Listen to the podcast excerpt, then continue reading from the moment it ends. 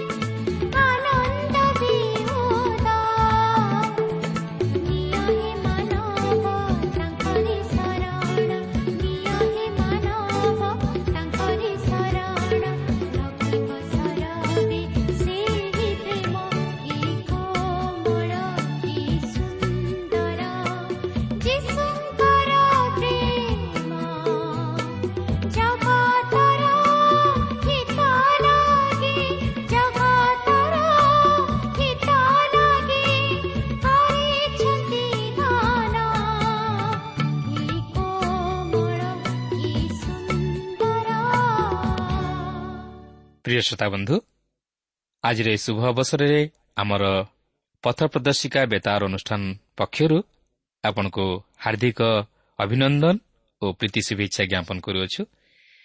ଆପଣଙ୍କର ସହଯୋଗ ତଥା ମତାମତ ନିମନ୍ତେ ବିଶେଷ ଧନ୍ୟବାଦ। ଆପଣ ଏହି କାର୍ଯ୍ୟକ୍ରମର ଜୟ ନିୟମିତ ଶ୍ରୋତା ଜାଣି ଆମେ ବିଶେଷ ଖୁସି। କେବଳ ସେତିକି ନୁହେଁ ଆପଣ ନିଜେ ଏହି କାର୍ଯ୍ୟକ୍ରମ ଶୁଣିବା ସଙ୍ଗେ ସଙ୍ଗେ ଅନ୍ୟମାନଙ୍କୁ ଶୁଣାଇବାରେ ଉତ୍ସାହିତ କରୁଥିବାର ଜାଣି ଆମେ ବିଶେଷ ଧନ୍ୟବାଦୀ। ପ୍ରଭୁ ଆପଣଙ୍କୁ ଆଶୀର୍ବାଦ କରନ୍ତୁ। ଆହୁରି ଆହୁରି ଆତ୍ମିକ ଜୀବନରେ ବର୍ଦ୍ଧିଷ୍ଣୁ କରାନ୍ତୁ। ଆସନ୍ତୁ ପ୍ରଭୁଙ୍କର ବାକ୍ୟ ମଧ୍ୟକୁ ଯିବା ପୂର୍ବରୁ ସଂକ୍ଷେପରେ ପ୍ରାର୍ଥନା କରିବା। ପବିତ୍ର ପ୍ରଭୁ ତୁମର ଜୀବନ୍ତ ବାକ୍ୟ ପାଇଁ ତୁମର ଧନ୍ୟବାଦ କରୁଅଛୁ। ପ୍ରଭୁ ତୁମର ବାକ୍ୟ ମଧ୍ୟ ଦେଇ ତୁମେ ଆମଙ୍କ ପ୍ରତ୍ୟେକଙ୍କ ସହିତ କଥା କୁହ। ପ୍ରଭୁ ତୁମେ ଆମମାନଙ୍କର ହୃଦୟ ମଧ୍ୟରେ ସେହି ଶାନ୍ତି ଆନନ୍ଦ ଭରିଦିଅ। ଏବଂ ପ୍ରଭୁ ଆମମାନଙ୍କର ସମସ୍ତ ପାପ ଦୋଷ ଅଯୋଗ୍ୟତା କ୍ଷମା କରି ତୁମର ପବିତ୍ର ରକ୍ତରେ ଧୋଇ ପରିଷ୍କାର କରି ଆମମାନଙ୍କୁ ତୁମର ସନ୍ତାନତ୍ୱର ଅଧିକାରୀ କରାଅ। ଏହି ସମସ୍ତ ପ୍ରାର୍ଥନା ପ୍ରିୟ ପ୍ରଭୁ ଯୀଶୁଙ୍କ ନାମରେ ମାଗୁଅଛୁ।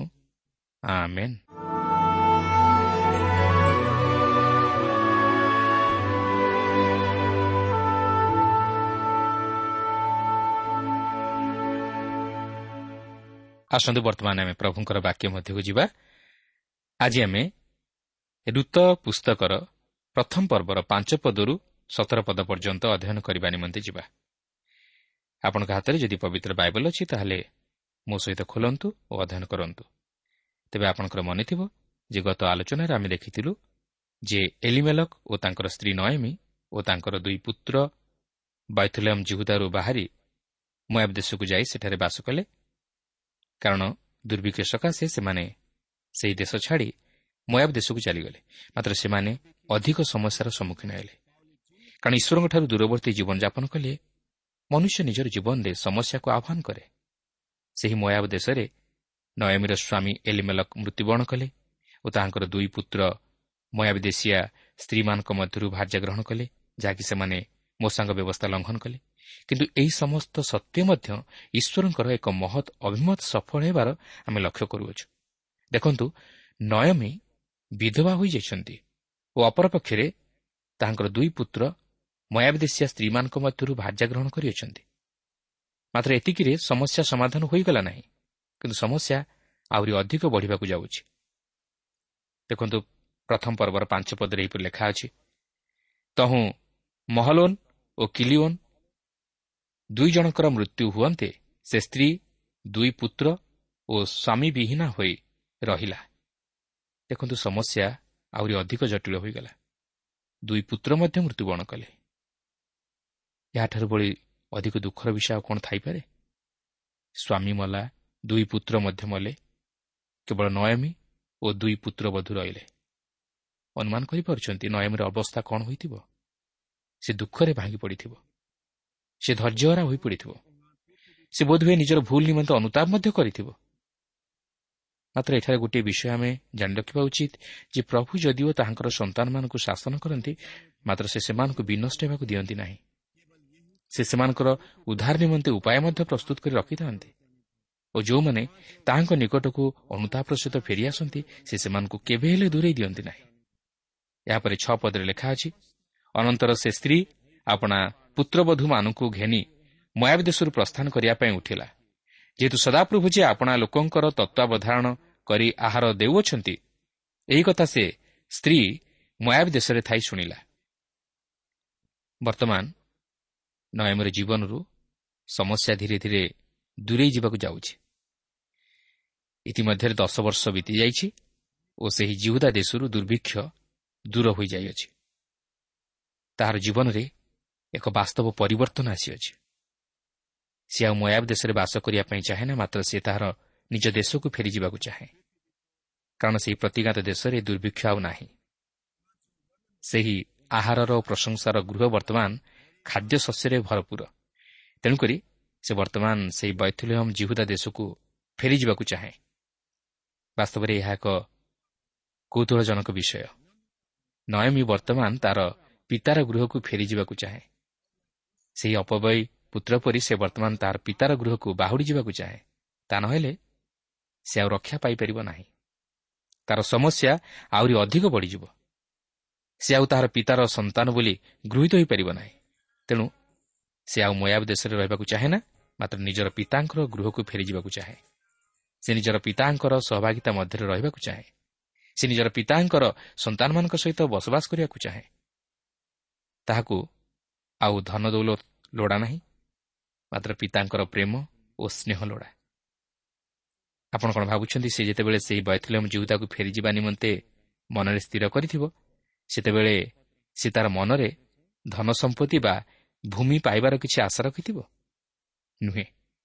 କାରଣ ଦୀର୍ଘ ଦଶ ବର୍ଷ ପରେ ସେ ତାହା ଫେରି ପାଇବ ବୋଲି ଆଉ ଆଶା ରଖିନଥିବ। କାରଣ ସେମାନେ ସେହି ଦେଶ ଛାଡ଼ି ଚାଲି ଆସିଥିଲେ ଓ ମୟାବ ଦେଶରେ ବାସ କରିଥିଲେ। ତେବେ ସେ ଯାଉନା କାହିଁକି ସେ କୌଣସି ସ୍ୱାର୍ଥର ଆଶା ରଖି ସେହି ଦେଶକୁ ଫେରିଆସିବା ପାଇଁ ଚାହୁଁନାହିଁ ମାତ୍ର ସେ ନିଜର ପିତାର ଗୃହକୁ ଫେରିଆସିବା ପାଇଁ ଚାହେଁ। ତାକୁ ଯେ ଅନେକ ନିନ୍ଦା ସହ୍ୟ କରିବାକୁ ପଡ଼ିବ ଦୁଃଖ ସହ୍ୟ କରିବାକୁ ହେବ ଓ ଅନେକ ଅଭାବ ତଥା ଅନାଟନରେ ରହିବାକୁ ହେବ ତାହା ସେ ଜାଣେ।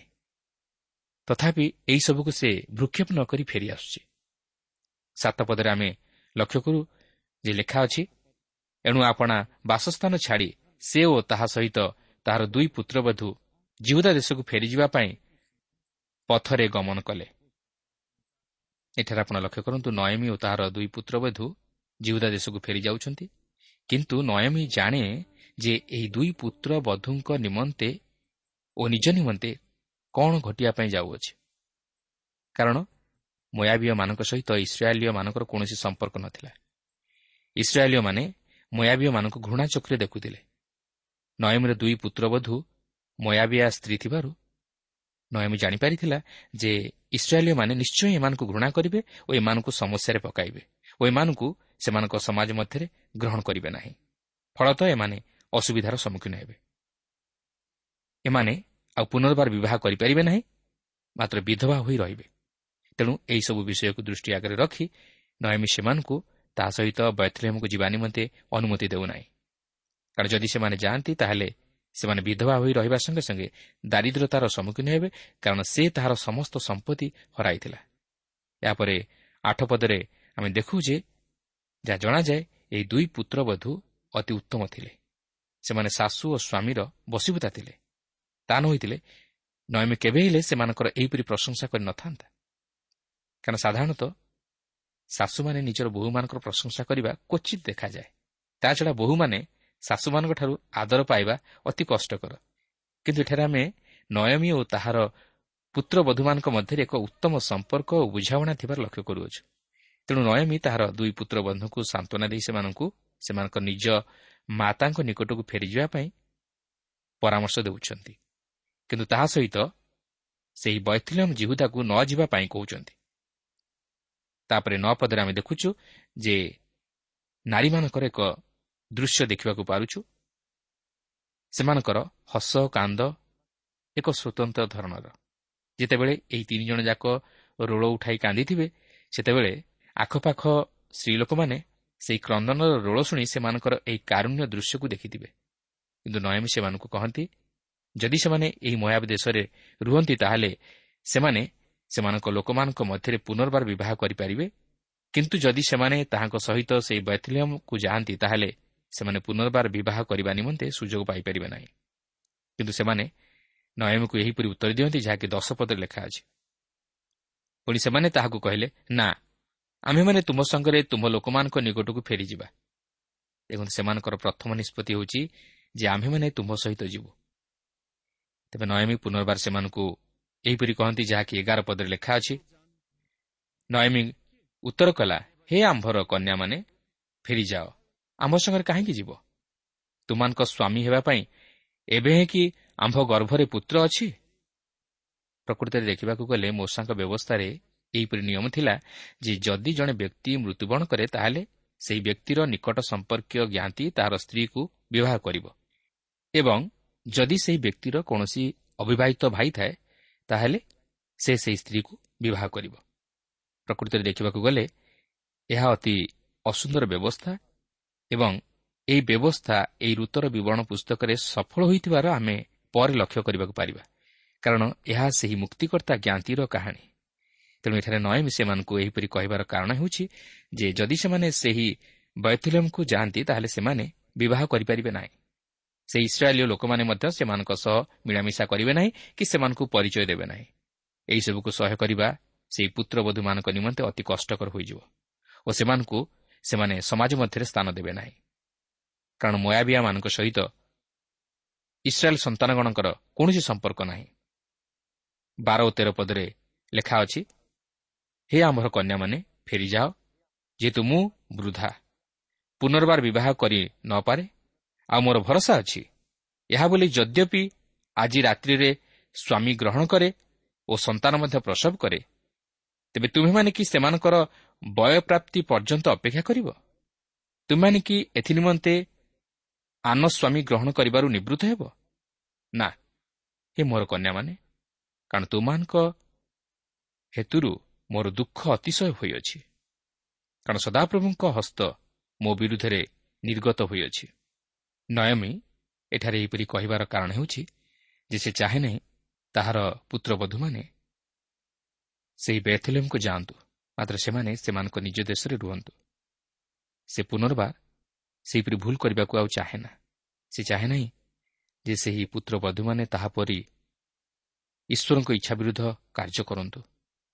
ନୟମୀ ଏଠାରେ ନିଜର ଭୁଲକୁ ମଧ୍ୟ ବୁଝିପାରିଛି। ଓ ଈଶ୍ୱର ଯେ ସେହି ଭୁଲ ନିମନ୍ତେ ତାହାକୁ ଶାସନ କରିଅଛନ୍ତି ତାହା ସେ ବୁଝିପାରିଛି। କିନ୍ତୁ ସେ ଏଠାରେ ସେମାନଙ୍କୁ ସେଥି ନିମନ୍ତେ ଦୋଷାରୋପ କରେ ନାହିଁ ମାତ୍ର ନିଜକୁ ତହିଁ ନିମନ୍ତେ ଦୋଷୀ କରେ। ଆପଣ ଦେଖନ୍ତୁ ଈଶ୍ୱର ଏଠାରେ ନୟମୀ ପରିବାରର ବିଚାର କଲେ ଓ ସେ ତହିଁର ପ୍ରତିଫଳ ସେମାନଙ୍କୁ ଭୋଗ କରିବାକୁ ଦେଲେ। ତେଣୁ ସେହି କାରଣରୁ ସେ ଚାହେଁ ନାହିଁ ଯେ ସେମାନେ ତାହା ସଙ୍ଗରେ ସେହି ବୈଥଲ୍ୟମକୁ ଯାଆନ୍ତୁ। ଚଉଦ ପଦରେ ଲେଖା ଅଛି ଏଥିରେ ସେମାନେ ପୁନର୍ବାର ଉଚ୍ଚସ୍ୱରରେ ରୋଦନ କଲେ। ପୁଣି ଅର୍ପା ଆପଣା ଶାଶୁକୁ ଚୁମ୍ବନ କଲା ମାତ୍ର ଋତ ତାକୁ ଧରି ରହିଲା।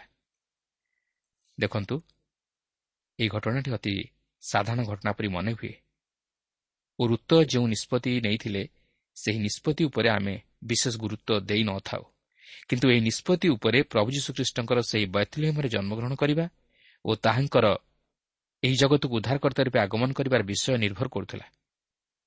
ସେଦିନ ଯଦି ଋତ ସେହି ନିଷ୍ପତ୍ତି ନେଇନଥାନ୍ତେ ତାହେଲେ ମାନବ ଜାତିର ଉଦ୍ଧାର ମଧ୍ୟ ସମ୍ଭବ ହୋଇନଥାନ୍ତା ଈଶ୍ୱର ଯଦିଓ ତାହାଙ୍କର ସନ୍ତାନମାନଙ୍କର ଅପରାଧ ନିମନ୍ତେ ସେମାନଙ୍କୁ ଶାସ୍ତି ଦେଇଥାନ୍ତି ମାତ୍ର ସେ ମଧ୍ୟ ଉଦ୍ଧାରର ପଥ ପ୍ରସ୍ତୁତ କରିଥାନ୍ତି। ବାସ୍ତବରେ ଋତ ଏଠାରେ ତାହାଙ୍କ ଜୀବନରେ ଯେଉଁ ନିଷ୍ପତ୍ତି ନେଇଥିଲେ ତାହା ଅତି ଚମତ୍କାର ଥିଲା ଓ ଏହା ତାହାଙ୍କୁ ସେହି ମୁକ୍ତିକର୍ତ୍ତା ଜ୍ଞାତିକର ନିକଟବର୍ତ୍ତୀ କରାଇ ପାରିଥିଲା। ଆପଣ ଦେଖନ୍ତୁ ଅର୍ପା ନୟମକୁ ଚୁମ୍ବନ କରି ଫେରିଗଲା।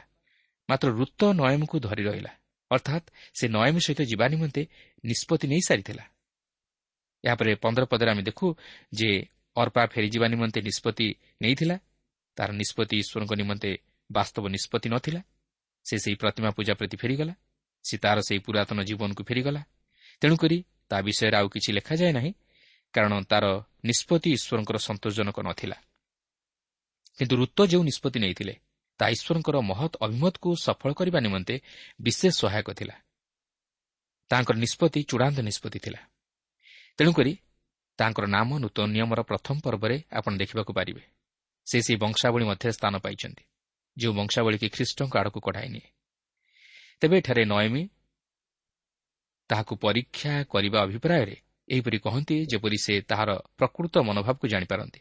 ତେଣୁକରି ସେ ଋତୁକୁ ତାହାର ଯା ସହିତ ଫେରିଯିବାକୁ କହନ୍ତି ମାତ୍ର ଋତ ତାହାର ନିଷ୍ପତ୍ତିରେ ଅଟଳ। ଷୋହଳ ସତର ପଦରେ ଆମେ ଲକ୍ଷ୍ୟ କରୁ ଲେଖା ଅଛି ଋତ କହିଲା ତୁମକୁ ତ୍ୟାଗ କରି ତୁମ୍ଭର ପଶ୍ଚାତ୍ ଗମନ କରିବାରୁ ଫେରିଯିବାକୁ ମୋତେ ବିନୟ ନ କର ଯେହେତୁ ତୁମେ ଯେଉଁଠାକୁ ଯିବ ମୁଁ ମଧ୍ୟ ସେହିଠାକୁ ଯିବି। ତୁମେ ଯେଉଁଠାରେ ରହିବ ମୁଁ ମଧ୍ୟ ସେହିଠାରେ ରହିବି। ତୁମ୍ଭର ଲୋକ ହିଁ ମୋହର ଲୋକ ଓ ତୁମ୍ଭର ପରମେଶ୍ୱର ହିଁ ମୋହର ପରମେଶ୍ୱର ହେବେ। ତୁମେ ଯେଉଁଠାରେ ମରିବ ମୁଁ ମଧ୍ୟ ସେହିଠାରେ ମରିବି ଓ ସେହିଠାରେ ମୋର କବର ହେବ। କେବଳ ମୃତ୍ୟୁ ଛଡ଼ା ଆଉ କିଛି ହିଁ ଯେବେ ତୁମ୍ଭକୁ ଓ ମୋତେ ବିଚ୍ଛେଦ କରେ ତେବେ ସଦାପ୍ରଭୁ ସେହି ଦଣ୍ଡ ମଧ୍ୟ ତହିଁରୁ ଅଧିକ ମୋତେ ଦେଉନ୍ତୁ। ଦେଖୁଛନ୍ତି ଋତଙ୍କର ନିଷ୍ପତ୍ତି। ଏହା ଅତି ଚମତ୍କାର ନିଷ୍ପତ୍ତି ଥିଲା। ଏହି ନିଷ୍ପତ୍ତି ମଧ୍ୟରେ ସାତୋଟି ମହାନ ବିଷୟ ଆମେ ଲକ୍ଷ୍ୟ କରିବାକୁ ପାରୁ ଓ ଏହି ନିଷ୍ପତ୍ତି ସେ ଈଶ୍ୱରଙ୍କ ନିମନ୍ତେ ବା ଈଶ୍ୱରଙ୍କ ମହତ୍ ଅଭିମତକୁ ସଫଳ କରିବା ନିମନ୍ତେ ଗ୍ରହଣ କରିଥିଲା। ଏହା ହେଉଛି ବାସ୍ତବ ମନ ପରିବର୍ତ୍ତନ। ସେ ଈଶ୍ୱରଙ୍କ ପ୍ରତି ମନ ଦେଇଥିଲା ଓ ନିଜର ଶାଶୁ ପ୍ରତି ମଧ୍ୟ ଉପଯୁକ୍ତ କର୍ତ୍ତବ୍ୟ କରିଥିଲା।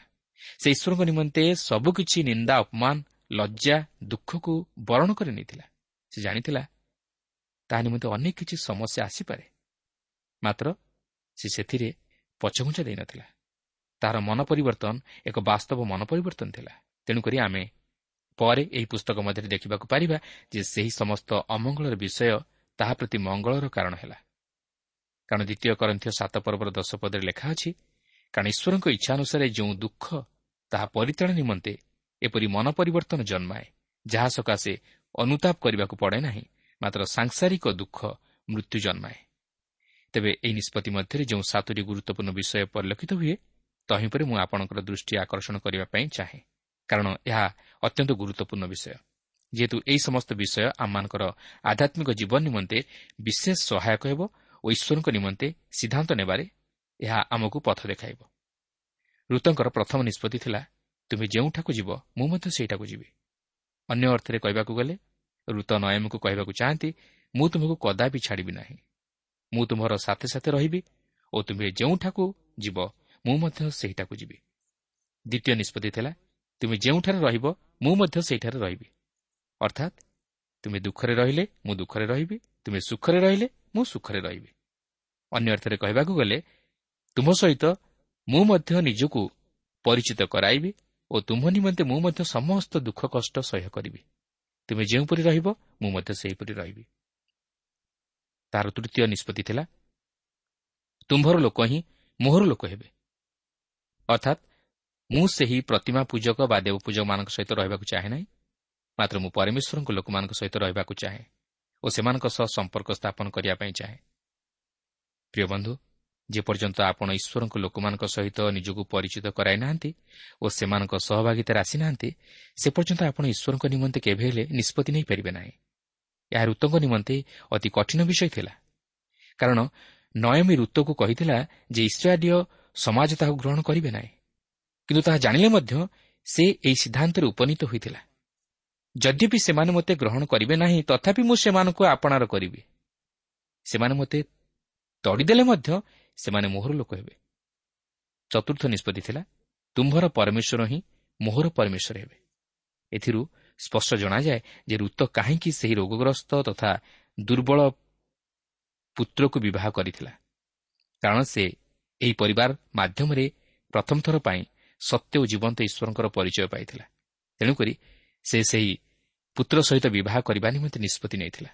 ତେଣୁକରି ସେ ଏଠାରେ କହେ ତୁମ୍ଭର ପରମେଶ୍ୱର ହିଁ ମୋହର ପରମେଶ୍ୱର ହେବେ। ସେ ଜାଣିଥିଲା ଯେ ଇସ୍ରାଏଲ୍ର ସଦାପ୍ରଭୁ ପରମେଶ୍ୱର ହିଁ ସତ୍ୟ ଓ ଜୀବନ୍ତ ପରମେଶ୍ୱର। ତେଣୁ ସେ ତାହାଙ୍କୁ ଛାଡ଼ିବା ନିମନ୍ତେ ଇଚ୍ଛା କରିନଥିଲା। ସେ ସତ୍ୟ ଓ ଜୀବନ୍ତ ଈଶ୍ୱରଙ୍କ ନିମନ୍ତେ ବଞ୍ଚିବା ପାଇଁ ଓ ତାଙ୍କର ସେବା କରିବା ପାଇଁ ଓ ତାଙ୍କର ସାକ୍ଷୀ ହେବା ନିମନ୍ତେ ପଦକ୍ଷେପ ନେଇଥିଲା। କେବଳ ସେତିକି ନୁହେଁ ତାହାର ପଞ୍ଚମ ନିଷ୍ପତ୍ତି ଥିଲା ତୁମେ ଯେଉଁଠାରେ ମରିବ ମୁଁ ମଧ୍ୟ ସେହିଠାରେ ମରିବି ତେବେ ଏହି ନିଷ୍ପତ୍ତି ଋତଙ୍କ ନିମନ୍ତେ ଅତି ମହତ୍ୱପୂର୍ଣ୍ଣ ତଥା ଅର୍ଥପୂର୍ଣ୍ଣ ଥିଲା। ସେ କହିବାକୁ ଚାହେଁ ଯେ ଇସ୍ରାଏଲ୍ର ଭରସା ହେଉଛି ମୋହର ଭରସା ତେବେ ଇସ୍ରାଏଲ୍ର ଭରସା କ'ଣ ଥିଲା? ଇସ୍ରାଏଲ୍ର ବିଶ୍ୱାସ ଥିଲା ଯେ ଦିନେ ସେ ମୃତ୍ୟୁରୁ ପୁନରୁଦ୍ଧିତ ହେବ ଓ ସେହି ଦେଶରେ ବସବାସ କରିବ।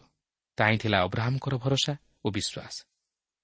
ସେ ବିଶ୍ୱାସ କରିଥିଲେ ଯେ ଦିନେ ସେ ମୃତ୍ୟୁରୁ ପୁନରୁଦ୍ଧିତ ହେବେ ଓ ଏହି ଦେଶରେ ବାସ କରିବେ।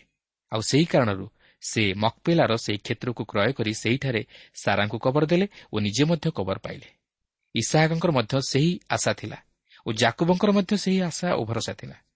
ଓ ସେ ଯଦିଓ ମିଶର ଦେଶରେ ମରିଥିଲେ ମାତ୍ର ସେ ତାଙ୍କ ଲୋକମାନଙ୍କ ସହିତ ଏହି କିଣାନ୍ ଦେଶରେ କବର ପାଇବାକୁ ଚାହିଁଥିଲେ। କାରଣ ସେମାନେ ଯେ ମୃତ୍ୟୁରୁ ପୁନରୁଦ୍ଧିତ ହେବାକୁ ଯାଉଅଛନ୍ତି ଏହି ବିଶ୍ୱାସ ସେମାନଙ୍କର ଥିଲା ସେମାନେ ଏକ ନଗରର ଅପେକ୍ଷାରେ ଥିଲେ ଯାହାର ନିର୍ମାତା ହେଉଛନ୍ତି ସ୍ୱୟଂ ଈଶ୍ୱର। ଯାହାକି ଦିନେ ଏହି ଜଗତରେ ବାସ୍ତବତାରେ ପରିଣତ ହେବାକୁ ଯାଉଅଛି।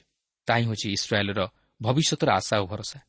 କିନ୍ତୁ ନୂତନ ନିୟମରେ ପ୍ରଭୁ ଯୀଶୁ ଯେତେବେଳେ ସେହି ଉପର କୋଠରୀରେ ତାଙ୍କର ଶିଷ୍ୟମାନଙ୍କୁ କହନ୍ତି ମୁଁ ତୁମମାନଙ୍କ ନିମନ୍ତେ ସ୍ଥାନ ପ୍ରସ୍ତୁତ କରିବା ପାଇଁ ଯାଉଅଛି ସେତେବେଳେ ସେ କହିବାକୁ ଚାହିଁଥିଲେ ଯେ ଏହି ପୃଥିବୀରୁ ଦୂରରେ ତୁମମାନଙ୍କ ନିମନ୍ତେ ସ୍ଥାନ ପ୍ରସ୍ତୁତ କରିବା ପାଇଁ ଯାଉଅଛି ଓ ତାହା ସମ୍ପୂର୍ଣ୍ଣ ନୂତନ ସ୍ଥାନ।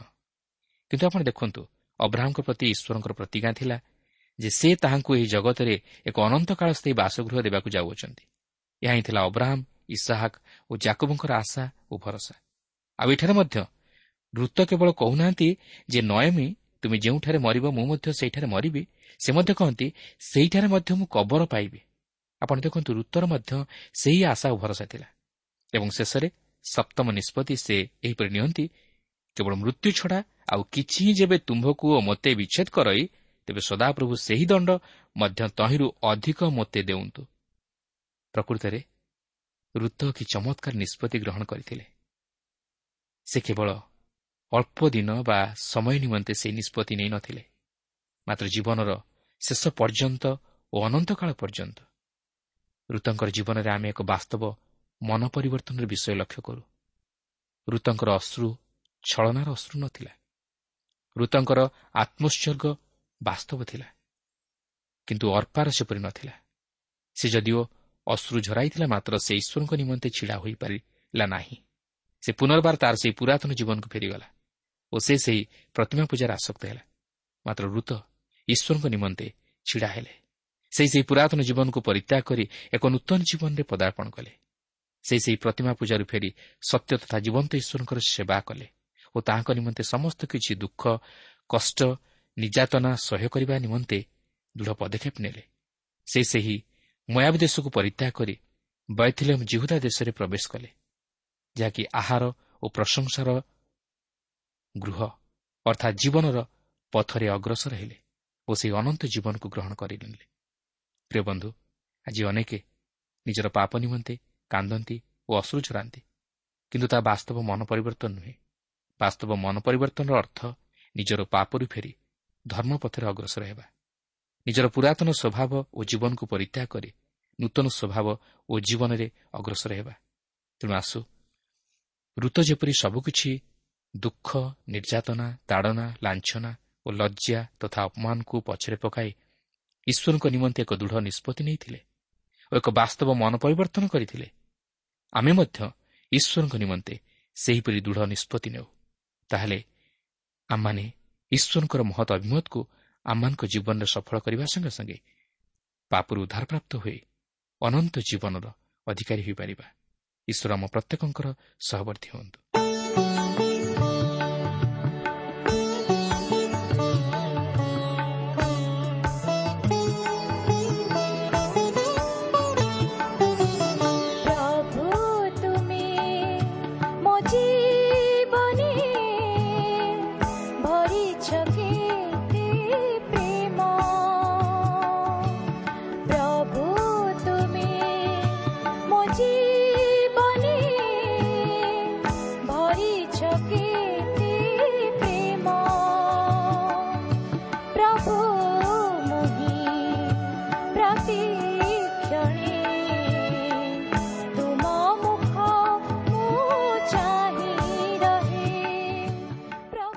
শ্রোতা এই কার্যক্রম শুণিবার আপনার অশেষ ধন্যবাদ এই কার্যক্রম আপনার কিপর লাগিলা ও কেউ বিষয়টি আপনার হৃদয়কু অধিক স্পর্শ করেছে তাহা লেখি জনাইলে আমি বিশেষ উপকৃত হব যদি কিছু প্রশ্ন বা সন্দেহ থাকে তাহা পত্র মাধ্যমে অথবা টেলিফোন যোগে আমি জনাতু আমার ঠিকনা পথ প্রদর্শিকা trans world radio India post box number তিন তিন ভুবনেশ্বর সাত পাঁচ এক শূন্য শূন্য এক mobile number nine seven double seven double two one four one five ଠିକଣାଟି ଆଉଥରେ ଶୁଣନ୍ତୁ। ପଥ ପ୍ରଦର୍ଶିକା trans world radio India post box number three three Bhubaneswar seven five one zero zero one. Mobile number nine seven double seven double two one four one five ଆମର email ଆଡ୍ରେସଟି ଲେଖି ରଖନ୍ତୁ Odia TV at radio eight eight two dot com. ତେବେ ଆଜି ପାଇଁ ଏଇଠାରେ ରଖୁଛୁ। ନମସ୍କାର।